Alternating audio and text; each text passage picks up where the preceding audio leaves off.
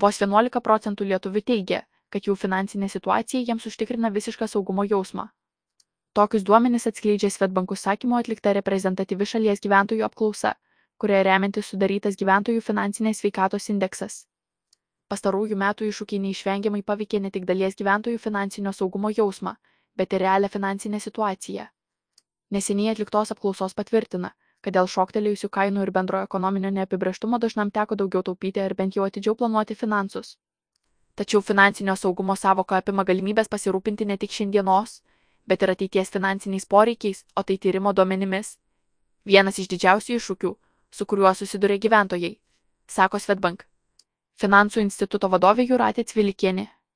Kaip rodo tyrimo rezultatai, 69 procentai respondentų tik iš dalies sutinka su teiginiu, kad yra finansiškai saugus, 17 procentų jaučiasi labiau saugus nei nesaugus, 38 procentai savo saugumą vertina vidutiniškai, 14 procentų sako esantys labiau nesaugus nei saugus.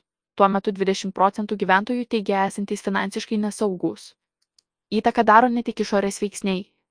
Svarbu suprasti, kad finansiniam saugumui įtakos turi ne tik išoriniai veiksniai, tokie kaip neseniai visus sukrėtusi pandemija ar Rusijos karas prieš Ukrainą, bet ir mūsų pačių finansinė elgsena bei sprendimai.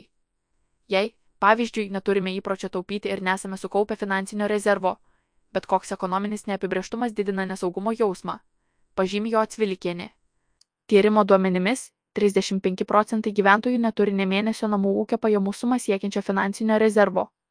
Mėnesio arba dviejų mėnesių pajamų sumos dydžio santaupų nurodo turintys po 11 procentų respondentų, 35 procentus teigia turintys 3 mėnesių pajamų dydžio santaupas.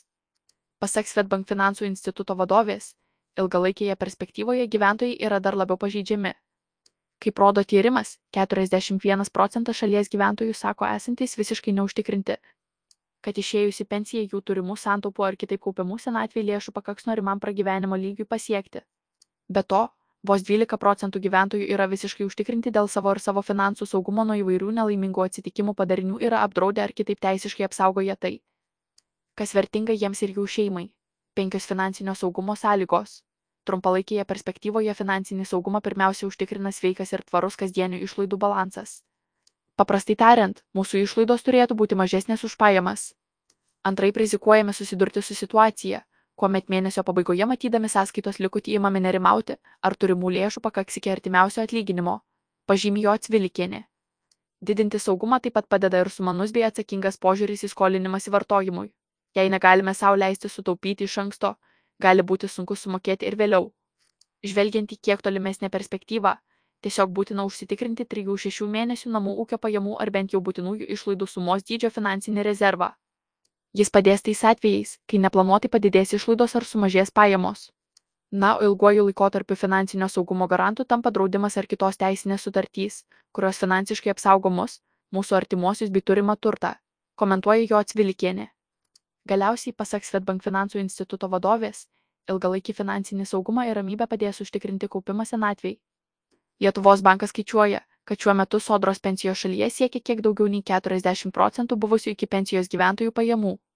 Tačiau visuomeniai senstant situacija gali kelti dar daugiau iššūkių, todėl pakankamų pajamų lygių senatvėje reikėtų rūpintis ir patiems papildomai kaupiant ar, pavyzdžiui, savarankiškai investuojant, sako jo atsvilikienė.